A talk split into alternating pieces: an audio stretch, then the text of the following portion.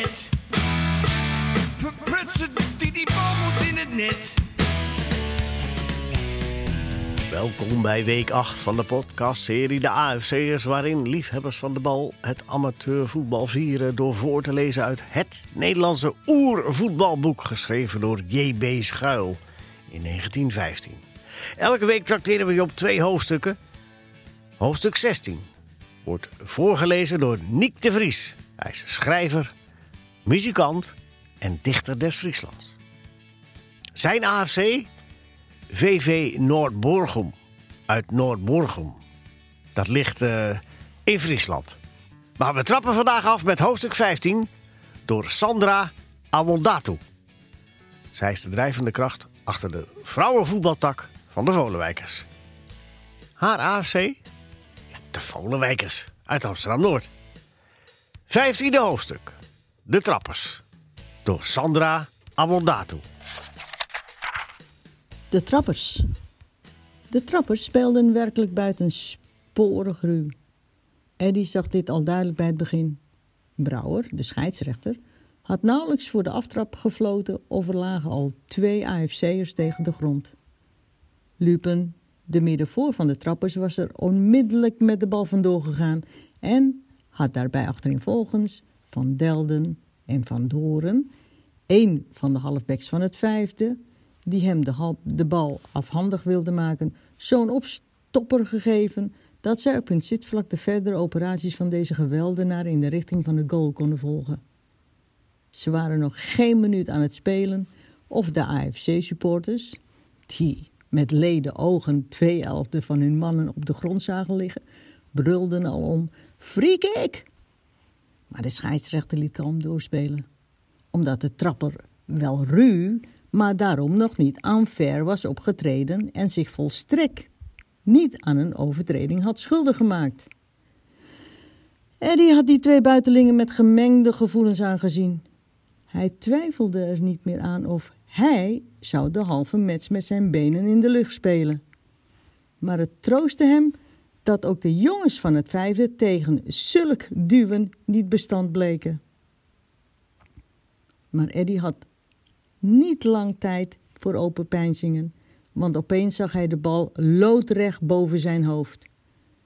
De aanval van Lupen was doodgelopen op de keeper, die de reuzenkei van de voorwaarts van de trappers schitterend had gestopt en de bal met een hoog schot in de richting van zijn linkerwing had geretourneerd. Eddie begreep het. Hij zou zijn eerste proeven van bekwaamheid mogen afleggen. Hij zag de bal vlak boven. Grubers vlak na zich. Nou, koppen! Niet bang wezen! De tanden op elkaar! Eddie sprong omhoog. Bom! De dikke Grubers bonsde hem uit de richting en, hals over kop, buitelde Eddie over het terrein.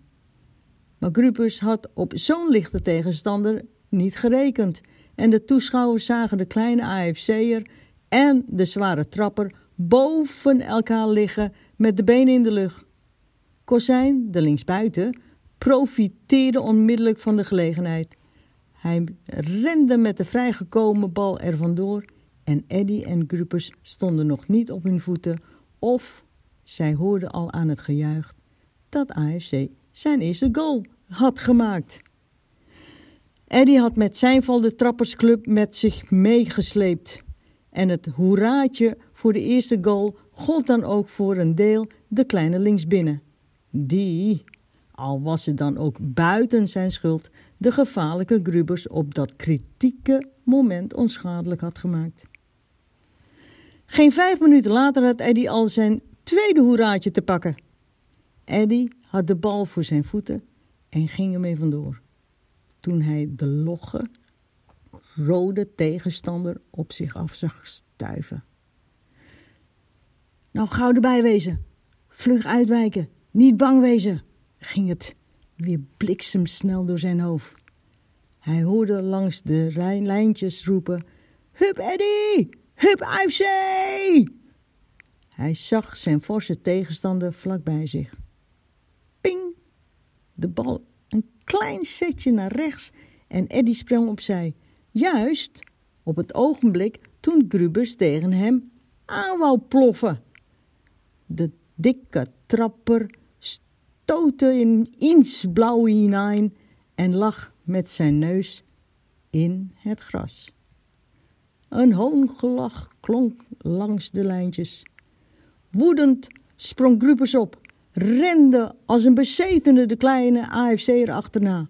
Maar voordat hij hem had ingehaald, had Eddy de bal al aan Van Delde overgegeven. En twee seconden later vloog nummer twee langs de doelverdediger in het net. Het was of alle jongens van het zevende, het achtste en het negende opeens gek waren geworden. Ze sprongen en dansen van louter opwinding als dollen op en neer. Die goal had het vijfde aan Eddy te danken. Want al had Eddy hem zelf niet gemaakt, hij was het toch geweest die Grubers verlakt had. Die de bal tot vlak bij het doel had opgebracht en hem op het laatste ogenblik keurig naar Van Delden had gecenteerd. Goed zo, Eddy! Hup, Eddy! Bravo, Lomans, riepen ze langs de lijntjes. Maar Eddy deed alsof hij niets hoorde. Vlug keek hij in de richting van het witte boetje. Hij zag hoe Kitty met haar zakdoekje wuifde en hij hoorde ook hoe zij riep: Hup, Eddy! Even lachte Eddy, maar hij trok onmiddellijk weer zijn onverschilligste snuit toen Kostlijn naar hem toe kwam en zei: Dat heb je hem goed geleverd, Lomans.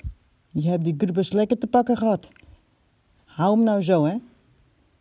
Ik zal het proberen, zei Eddy en hij stond weer in afwachting op de linkervleugel. Eddy voelde het. Het begin was goed geweest. Als het zo door bleef gaan, dan konden ze hem gerust een paar malen tegen de grond smakken.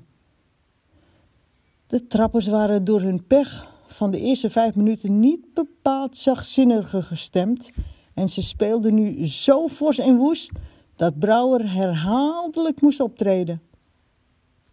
Het regende free kicks en de AFC-supporters vlogen soms, gloeiend verontwaardigd over zulk aanver en ruwspel, nog luider dan de scheidsrechter. Om de havenklap werden de AFC'ers gehaakt of in de rug genomen en om de minuut ging er één tegen de grond. Maar dit belette niet dat het vijfde door zijn vlug en tactisch spel de trappers de baas bleef. Het spel werd al woester en woester en van de kant van de trappers, die het niet konden verdragen dat al hun aanvallen doodliepen, gemener en gemener. Dat is geen spelen. Het is een schande. Hoorde je telkens langs de lijntjes als er een trapper weer een vuilstreek had uitgehaald. Maar de verontwaardiging van de AFC-supporters bereikte haar toppunt even voor rust.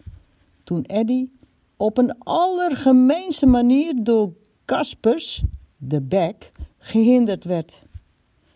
Er werd door geen van beide partijen een goal meer gemaakt en Brouwer liep al met zijn horloge in de hand toen het een ogenblik lelijk voor de AFC'ers ging spannen. Bijna alle trappers en AFC'ers stonden in een kluwen voor het AFC-doel en iedereen dacht al dat uit die scrimmage een goal zou komen toen Deetje van Delden de bal vrij kreeg en ermee vandoor ging. Op de voet gevolgd door Kaspers en Lupen. Kozijn en Eddy holden mee en kwamen tegelijk met Kaspers bij het trappersdoel aan. Hup Deetje! Schiet nou Deetje! hoorde je overal langs de lijntjes schreeuwen.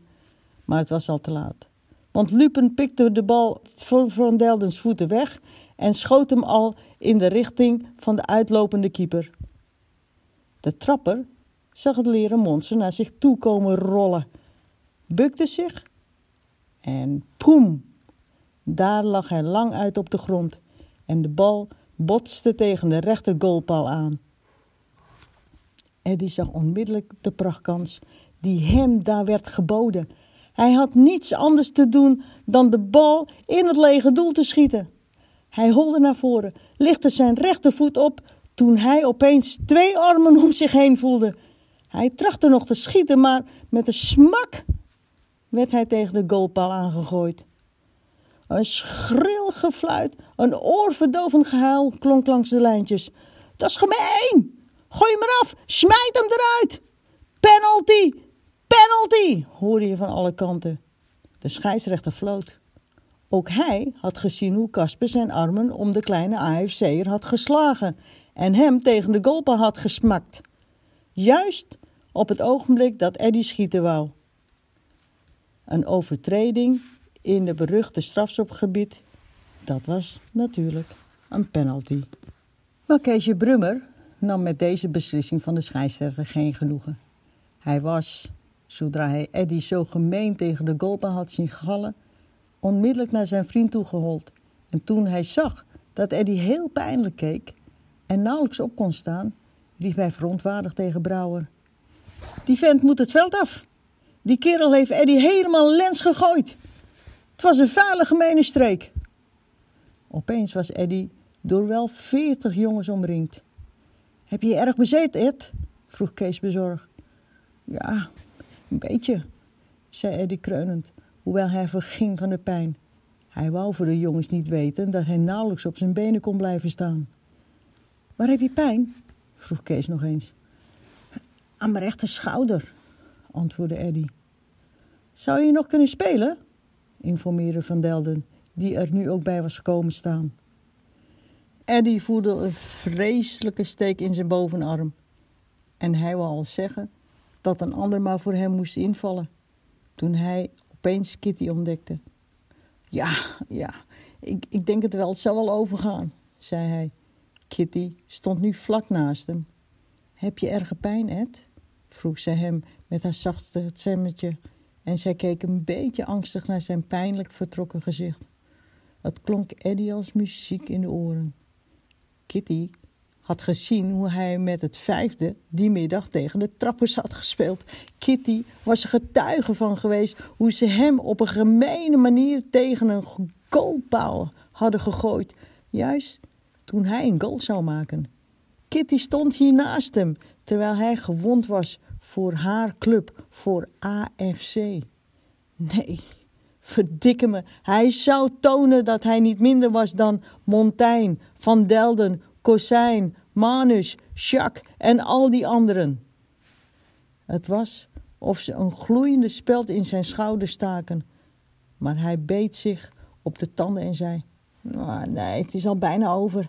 Ik kan wel weer meespelen, maar wat was dat nou ineens? Het was alsof er een waas voor zijn ogen kwam, of hij allemaal sterretjes zag dansen. Zeg, Lomans, word je niet goed? Je bent zo bleek, vroeg Van Delden. Hé, hey, wat zei Van Delden daar? Hij hoorde het niet meer goed. Hij zag alles om zich heen draaien. Kitty, Kees, Van Delden en Grubers. Wat gebeurde er nou met hem? Hij zou toch niet vallen? Ja, waarachtig, daar ging hij. Hij voelde zich, hij voelde duidelijk. Langzaam zakte hij in elkaar en als een zoutzak lag hij opeens op de grond. Met zijn hoofd tegen dezelfde goalpaal waar Casper hem zo even met zo'n vaart tegenaan gekwakt had. Ga eens opzij, wat scheelt eraan? Het was Manus in eigen persoon die het zei. Alle jongens maakten plaats voor de captain van AFC. Wel, Lomans, hebben ze je er zo te pakken gehad? vroeg hij. En die opende zijn ogen en zag Manus over zich heen gebukt. Hij schaamde zich dood dat hij zich niet goed had kunnen houden en wilde alweer opkrabbelen, maar Manus hield hem tegen en zei: Ben je mal, kerel? Blijf rustig even liggen. Dat overkomt ons allemaal wel eens. En toen, tot de jongens die er omheen stonden, haal eens even gauw wat water. Tien AFC'ers waren er al vandoor. Als Manus iets vroeg, dan was dat voor de hele bende een bevel. Help me eens even zijn trui trekken, commandeerde Manus toen Eddie na een ogenblik weer probeerde te lachen. Kees hielp de AFC-captain en alle jongens inspecteerden de geblesseerde schouder. Ook Eddie gluurde even om een hoekje. Nee, maar zijn schouder was helemaal blauw. Ze hebben je lelijk te pakken gehad, uh, kerel, zei Manus. Maar maak je maar niet ongerust. Het zal wel weer overgaan. Ik heb het ook wel eens gehad. Oh, dan was het zo erg niet. Als Manus het ook wel eens had gehad. Eddie trok geholpen door Kees zijn trouw aan. Nou, dan kan ik wel weer spelen, zei hij. Maar hij vertrok tegelijk erg verdacht zijn mond, zodat Manus heel goed begreep dat de kleine AFC'er er nog lelijk pijn aan had. Jullie spelen helemaal niet meer, zei de captain. Ik heb er meer dan genoeg van. En wijzend op een paar trappers ging hij door. Die kerels horen niet meer in onze bond. Die spelen geen voetbal, die spelen rugby. Toen liep de AFC-captain op Grubers en Lupen af en zei: Dat is de laatste maal geweest dat jullie AFC op je veld hebben gezien. Dacht je dat wij van plan waren om onze elftallen door jullie de armen en benen te laten kapot trappen? Zal de kwestie voor de bond brengen. Maar dat kan ik je nou alvast zeggen: jullie eruit of ik eruit. Met de trappers verder samen nog in één voetbalbond spelen? Daar pas ik voor. Wat was dat? De trappers eruit? De jongens konden hun oren niet geloven. Hoera, hoera, hoera! klonk het opeens uit de monden van alle AFC-supporters.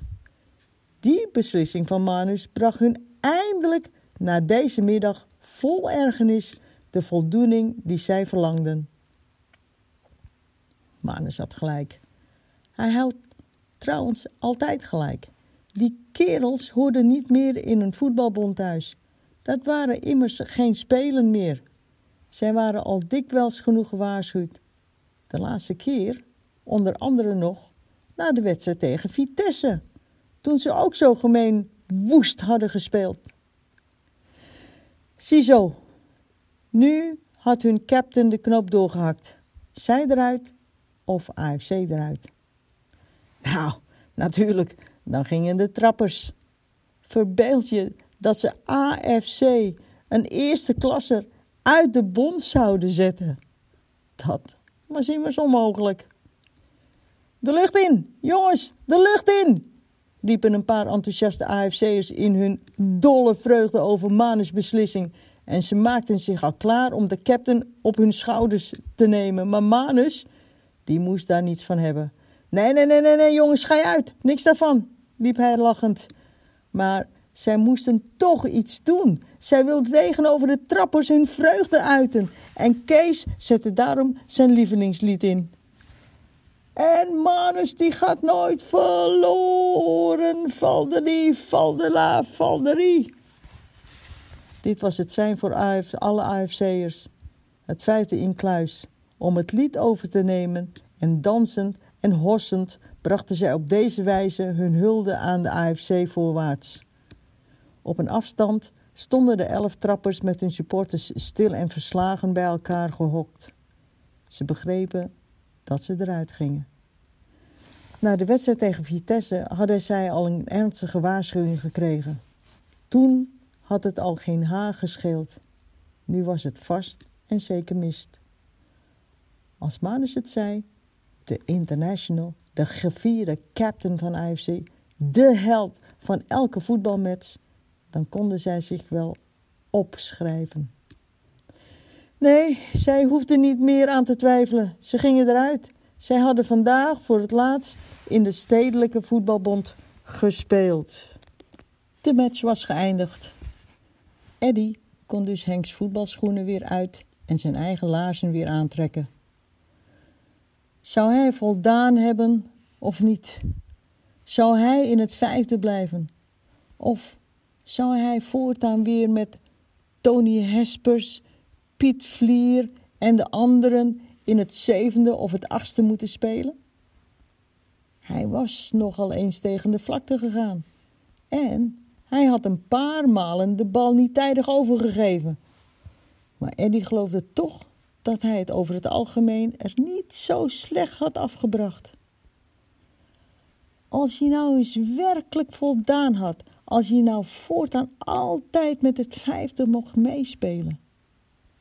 Wel verdraaid, wat zou dat fijn wezen. Eddie wou het wel graag eens aan Kees of Henk vragen. Maar als de andere makkers stonden erbij.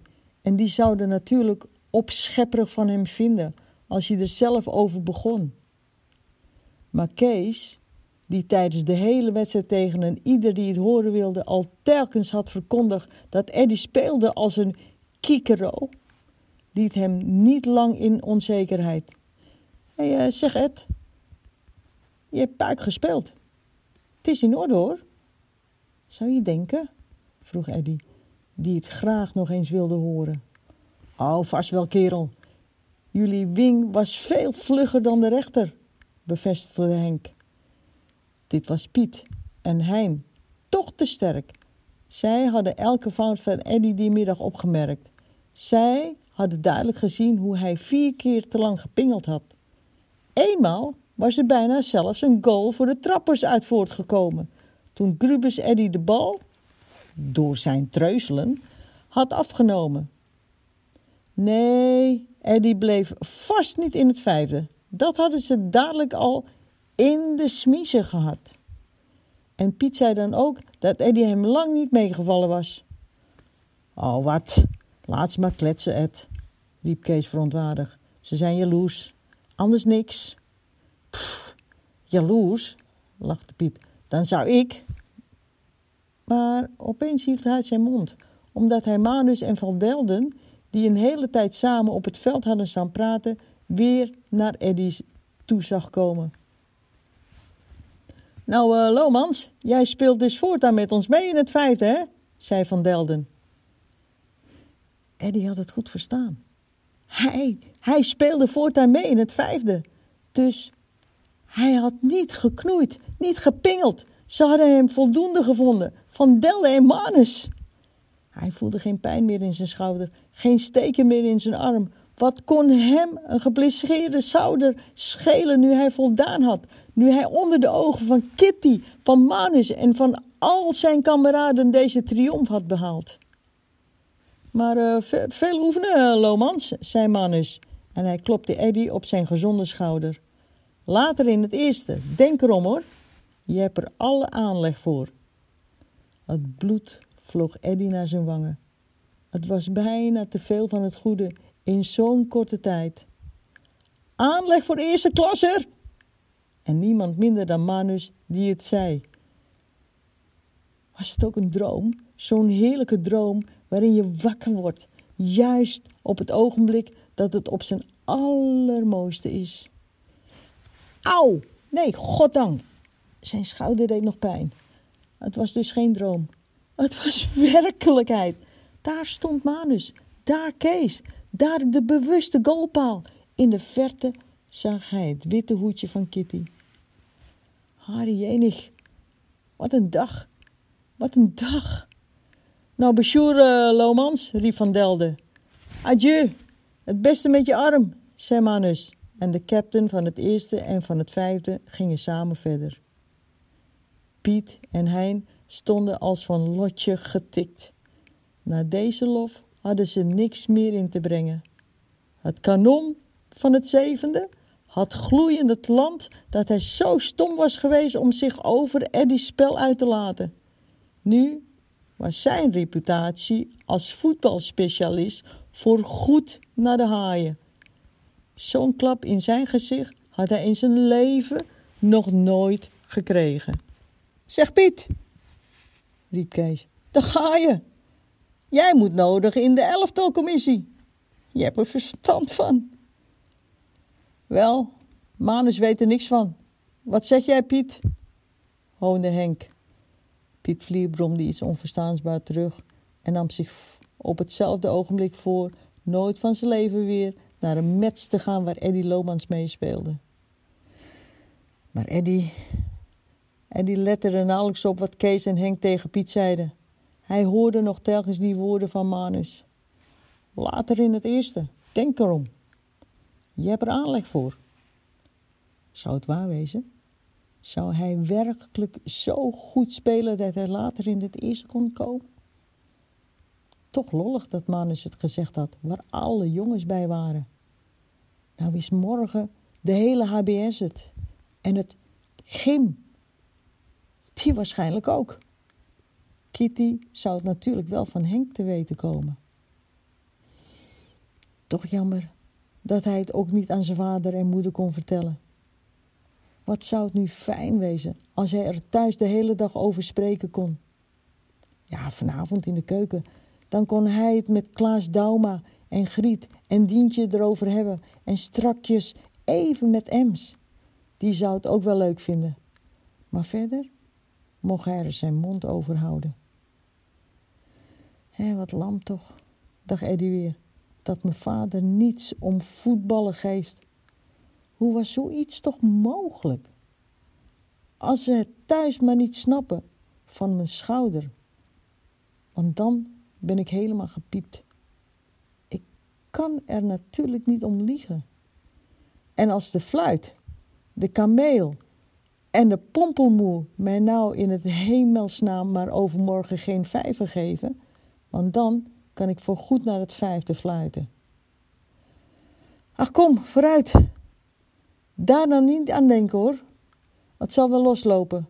Later misschien in het eerste. Het eerste. Verdikke me. Verdikke me.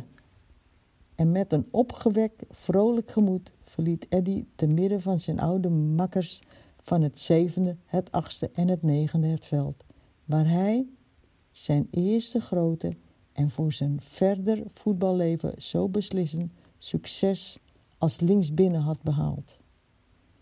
Geen jongen van de eerste klas twijfelde er nu meer aan of Eddy Lomans zo met de tijd tegen HVV en Hercules, tegen Sparta en UVV, naast Manus en Jacques Pinke, naast Dolph Hovey en Benterhey de kleuren van AFC verdedigen en hoog houden. Hallo, mijn naam is Nick de Vries. In het dagelijks leven ben ik schrijver, dichter en muzikant. En mijn AFC is VV Noordbergem, oftewel VV Noordbergem in Friesland. En het hoofdstuk dat ik ga voorlezen is hoofdstuk 16, het artikel van Bob. Eddy's voetbalroem ging niet verder dan tot de deur van zijn huis. Nooit had hij dit sterker en pijnlijker gevoeld dan op deze voor hem zo glorievolle triomfdag. Want terwijl alle vrienden het met hun respectieve vaders en moeders en ooms en tantes over de sensationele match van AFC contra de trappers hadden, en daarbij Eddy's roem en Mannes profetie omtrent de toekomstige eerste klasse luid uitbazuinden, was het voor de hoofdpersoon van het drama alsof er geen AFC'ers en geen trappers, geen vijfde klasse en geen manners meer bestonden, zodra hij de drempel van zijn huis had overschreden. Hij waagde het zelfs niet met een enkel woord te zinspelen op wat hem zo geheel vervulde, en hij verkeerde de ganse dag in angst en vrezen dat hij door een pijnlijke trek op zijn gezicht of door de stijfheid van zijn arm de wond zou verraden waarop hij voor ieder ander dan zijn ouders zo rechtmatig trots was. Alleen in de keuken, tegen Klaas Dauma, kon Eddy zijn schade inhalen. Klaas vond het prachtig dat de trappers uit de bond zouden worden gegooid. Hij kon die kerels niet uitstaan, nadat zij een Vitesse bij de vorige match half lens hadden getrapt. En toen hij hoorde wat de AFC-captain tegen Eddy had gezegd, stond hij paf en zei: Bliksikater. Dat is lang geen kleinigheid. Dat moet je niet uitvlakken. Eerste klas. Nou ja, ik ben het nog niet, zei Eddy. Maar Klaas twijfelde er niet meer aan. Als Mannes het zei, dan werd Eddy het vast. De beroemde AFC-captain was zelfs voor deze verstokte Vitesser een profeet. Ook Griet was een beetje onder de indruk. Nou, Eddy, als jij op een echte match speelt, dan komen we kijken. Daar kan je de pan, zei ze. Daar heb ik nog wel vijf Haagse kwartjes voor over. Eddy was in een royale bui en zei daarom dat hij er dan op trakteren zou. Drie kwartjes, dat kon hij nog wel betalen. Al was het niet in de huiskamer, dan zou hij tenminste toch in de keuken over de match kunnen spreken. Als later eens mocht gebeuren wat Manners die middag voorspeld had. Zo verliepen 24 uren zonder dat een huizen Loomans, behalve dan natuurlijk in de keuken, over voetballen gesproken werd. En Eddy hoopte al dat er van de befaamde match niets zou uitlekken. Toen Keesje Brummer plotseling met een hoogrode kleur smiddags om vijf uur bij hem binnenkwam stormen. Zeg Ed, heb je het gelezen? Wat? vroeg Eddy. Van de match. Staat er in de krant? Nou, een heel stuk. Jemine. Laat eens lezen, gauw, zei Eddy. Kees haalde het dagblad uit de binnenzak van zijn jas. Alsjeblieft, er staat in dat jij uitstekend voldaan hebt als linksbinnen. Hè? Staat dat erin? Eddy kon het bijna niet geloven. Nou en of. Wat fijn. De oude heer heeft het wel twee keer voorgelezen. Ze vonden het allemaal even lollig thuis, zei Kees, glimmend van plezier. Ja, bij Keesje vond ze het lollig, maar bij hem, verdikkie, zei Eddy, als mijn vader dat maar niet onder de ogen krijgt. Nee, maar, dat was me ook wat. Daar had Kees nog geen ogenblik aan gedacht. Maar wie zou daar nou ook ineens aan denken? Ja, als meneer Lomans dat las, dan was het mis met Eddy. Helemaal mis. Waar staat het? vroeg Eddy zenuwachtig. Kees wees het bewuste stuk aan en Eddy las: Een voetbalincident. Goeie genade, dat zijn me ook geen kleine letters. Dat ziet mijn vader dadelijk, zei Eddy. Nou vooruit, lees nou maar, zei Kees, die er toch naar verlangde dat Eddy zou lezen wat er over zijn voetbal in de krant stond. En samen lazen ze. Een voetbalincident. Bij de wedstrijd tussen AFC 5 en de Trappers, welke gistermiddag op het bekende terrein achter de gasfabriek werd gehouden, heeft zich een betreurenswaardig incident afgespeeld. Reeds dikwijls is er in ons blad over het onbehoorlijke en unfaire spel der trappers geklaagd. En de wedstrijden van deze club onderscheiden zich dan ook doorgaans door een ruwheid welke alle perken te buiten gaat. Men zal zich herinneren hoe hierover reeds meermalen bij de bond klachten zijn ingediend. Na de laatste wedstrijd tegen Vitesse heeft het bondsbestuur gemeend de trappers een ernstige waarschuwing te moeten toedienen. En daarbij zelfs gedreigd de club te zullen royeren, indien opnieuw gegronde klachten over ongeoorloofde ruwheid bij het bestuur werden ingediend. Het schijnt dat deze waarschuwing haar uitwerking absoluut heeft gemist. In de wedstrijd tegen AFC 5 ging het spel de trappers wederom zo alle perken te buiten dat de gasten de match niet eens tot rust hebben uitgespeeld, maar op voorstel van mannen Spinken, die de wedstrijd bijwoonden, het veld bij wijze van protest hebben verlaten. De trappers schijnen in de mening te verkeren dat bij voetballen alles geoorloofd is. Wij weten niet hoeveel vrije schoppen de scheidsrechter in die drie kwartier voor haken, in de rug nemen, tegen de benen trappen en ongeoorloofd wegduwen heeft moeten opleggen. Wij zijn de tel kwijtgeraakt, maar als wij het getal 30 noemen, overdrijven wij niet. Het allerergste maakte het Kaspers, de bek. Deze trapper speelde meer rugby dan voetbal. Hij ontzag zich zelfs niet om Eddie Lomans, de nieuwe linksbinnen, die gisteren voor het eerst in het vijfde meespeelde en uitstekend voldeed, op het ogenblik dat deze de vrijgekomen bal in het lege doel wilde schieten, van achteren aan te vatten en met zulk een vaat tegen de rechter goalpaal te slingeren dat Lomans zich ernstig aan zijn schouder verwondde. Toen vond Manners het genoeg en deelde de gastheren mede dat zij AFC voor het laatst op hun terrein hadden gezien. Naar wij vernemen heeft AFC heden een protest bij het bestuur van onze stedelijke voetbalbond ingediend. Wij menen na alles wat reeds met de trappers is voorgevallen, dat de beslissing niet twijfelachtig kan zijn. Wij wensen AFC 5 geluk met haar nieuwe vluggelings binnen.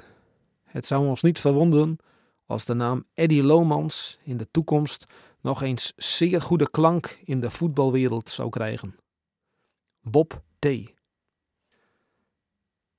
Nou hè, wat zeg je ervan? Is het niet fijn? vroeg Kees. Het zou ons niet verwonderen als de naam Eddie Lomans in de toekomst nog eens zeer goede klank in de voetbalwereld zou krijgen. Dat is lang niet mis, wat? Ja, wel leuk, zei Eddie. En hij las het stuk nog eens over. Dat lezen ze nou vanavond in de hele stad, zei Kees. Zou Kitty het ook lezen? vroeg Eddie. Natuurlijk, ze hebben toch het dagblad bij de Waldens? Dat is toch wel lollig, zei Eddie lachend. En weer las hij wat de spotredacteur van het dagblad over hem had geschreven. Kitty zou dus lezen dat Bob AFC 5 geluk wenste met haar nieuwe linksbinnen. En dat hij uitstekend voldaan had. En dat de naam Eddie Lomans, jonge jongen, wat reuze fijn. Gek, als je dat allemaal zo van jezelf in de krant las. Daar stond het nou gedrukt. Eddie Lomans in een voetbalverslag. Dat zouden nu alle jongens vanavond lezen. Tony Hespers, Huip Delfors, Piet Vlier, Hein van Drumt. Wat zullen die twee razend jaloers wezen? Wat zouden ze morgen op school nou allemaal tegen hem zeggen? De kameel zal wel voeteren als die het leest. Die kan nooit velen dat er over voetballers zo in de krant geschreven wordt. Wat zal de kameel morgen een kabaal schoppen, zei Eddy. Laat hem zijn gang gaan, lachte Kees. Hij mocht willen dat er zo'n mooi stuk over hem in de krant stond. Eddy kende het stuk nu bijna al van buiten, maar toch las hij het nog eenmaal over. Zouden de mensen nu morgen allemaal naar hem kijken als hij op straat liep? Dat hoopte hij toch eigenlijk maar niet. Een voetbalincident. Als zijn vader het nou maar niet onder de ogen kreeg. Doorgaans keek hij de spotrubriek zelfs niet eens in. Maar dit stond er met zulke koeien van letters dat je het wel moest zien, of je wilde of niet. En de naam Eddie Lomans zag je ook dadelijk. Het stond juist aan het begin van de regel. Het was haast ondenkbaar dat zijn vader het niet zou zien. Jammer dat ze dat gezegd hadden van zijn schouder. Als zijn vader las dat hij gewond was, ernstig nog wel, zou hij helemaal niets meer van voetballen moeten hebben. En als ze morgen nou maar niet op het kantoor, of bij Hillen in de sigarenwinkel, of bij de kapper aan zijn vader vroegen hoe of het met zijn zoon was. Vooral voor die kapper was Eddie bang. Dat was toch zo'n klets? Nee, het was wel lollig als ze over je in de krant schreven, maar het gaf ook een hoop zorgen. En Eddie dacht weer voor de zoveelste maal: Och, och, als meneer Brummer nou eens mijn vader was. Wat zou het dan vandaag een fijne dag wezen? Mag ik de krant houden? vroeg Eddy toen Kees opstond om weg te gaan. Natuurlijk, kerel. Ik koop wel een nieuwe, zei Kees, die misschien nog meer voor het prachtstukje van Bob T. voelde dan de betrokkenen zelf. Eddy stak het kostbare exemplaar in de binnenzak van zijn jasje en ging naar beneden. Bij de kachel zat zijn vader met het dagblad in zijn handen. Eddie zag onmiddellijk bij de deur al de woorden een voetbalincident. Zijn vader zat er met zijn neus vlak op. Hoe was het mogelijk dat hij het niet zag? Eddie gluurde even over de schouder van zijn pipa. Daar stond het. Eddie Lomans. Oei, oei. Wat een benauwd ogenblik was dat. Als ik die krant nu maar uit vaders handen kon krijgen, dacht Eddie. Wacht, als hij nou eens naar het weer vroeg. Dat stond altijd op de eerste bladzijde. Zeg pa, wat voor weer krijgen we? Goed weer, kans op nachtvorst, antwoordde de heer Lomans, zonder uit de krant op te zien. Mis, dan maar wat anders. Is die moordenaar al gepakt van dat jongetje in Amsterdam? De gemengde berichten stonden meestal aan de achterkant. Nee, nog niet.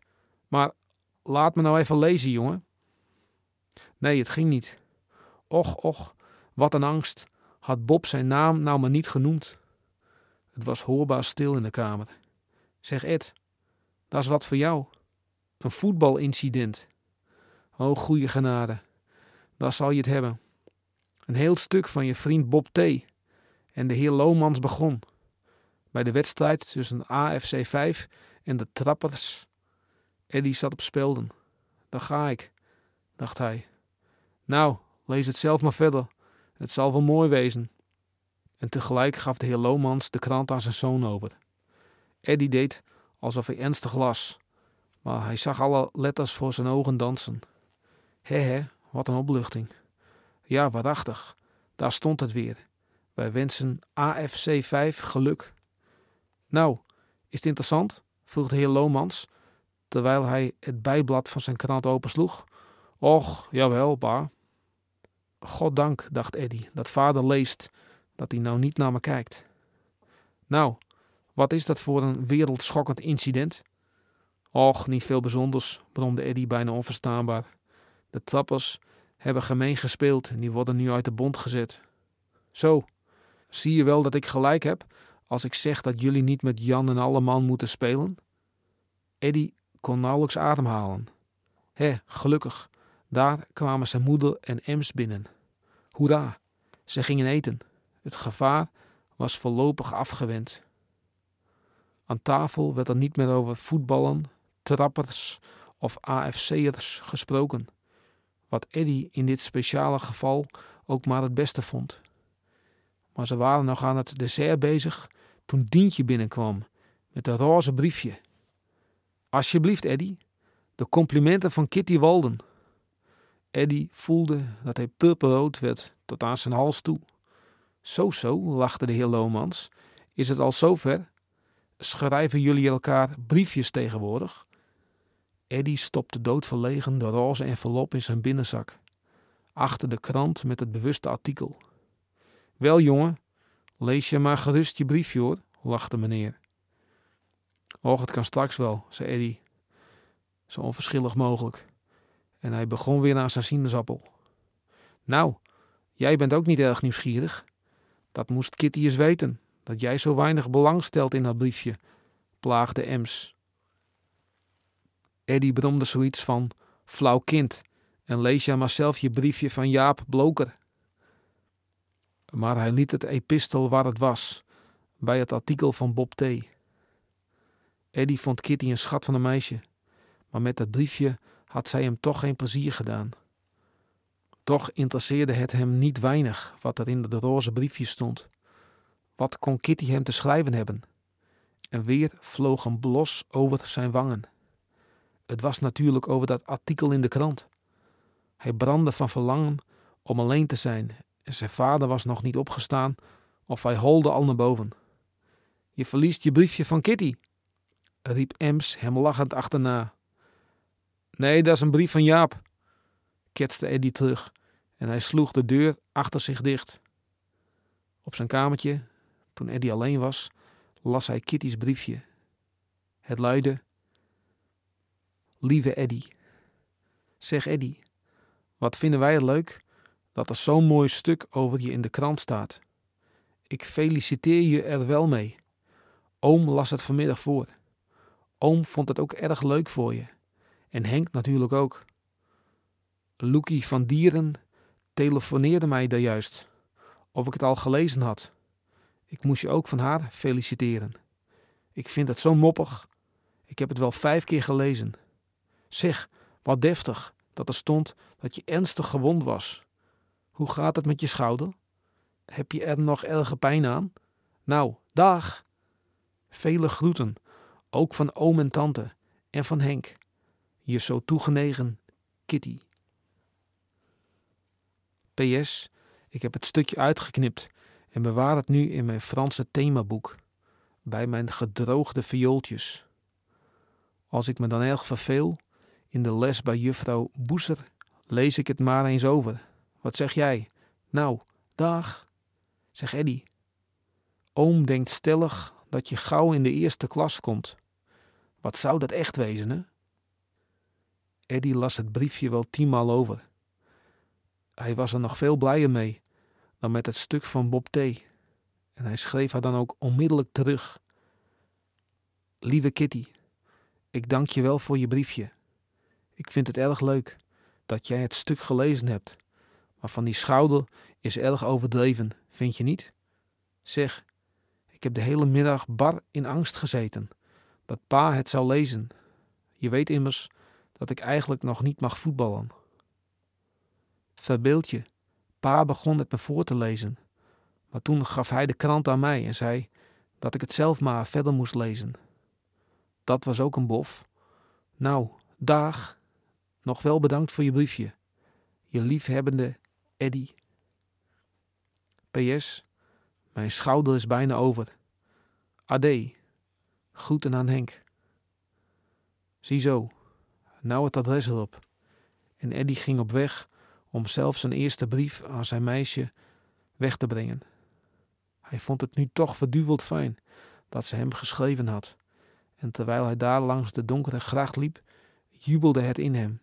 Nou leest Kitty, als zij zich verveelt bij juffrouw Boesel in de Franse les, dat mijn naam in de voetbalwereld een goede klank zal krijgen. Voor mijn pad smakken ze mij de volgende keer nog eens tegen een goalpaal. Als er dan weer een stuk over in de krant komt. Het was die avond, het dagblad und kein Ende. Want toen Eddy in de keuken kwam, zat Klaas Dauma op het aanrecht met de krant voor zijn neus. En Griet en Dien zaten in stille bewondering op hun keukenstoelen te luisteren. Klaas was juist genaderd, tot de beroemde zin.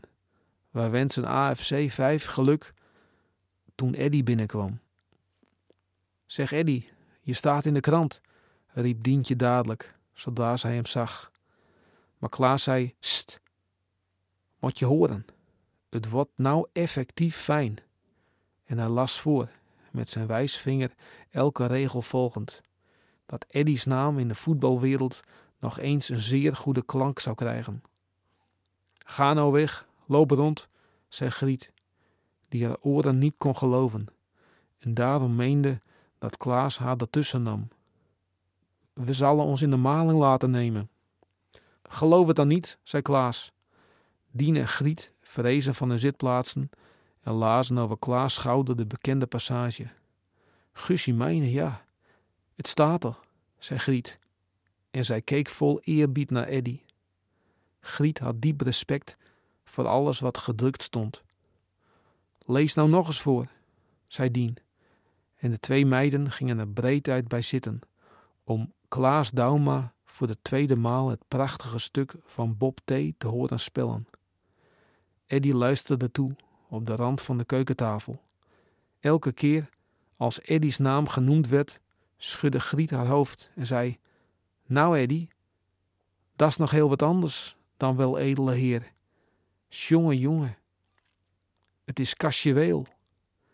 En Dien zei dat Eddy nou net zo in de krant stond als Frans Rosier en al die andere moordenaars. Het klonk niet erg vleiend, maar ze meende het goed.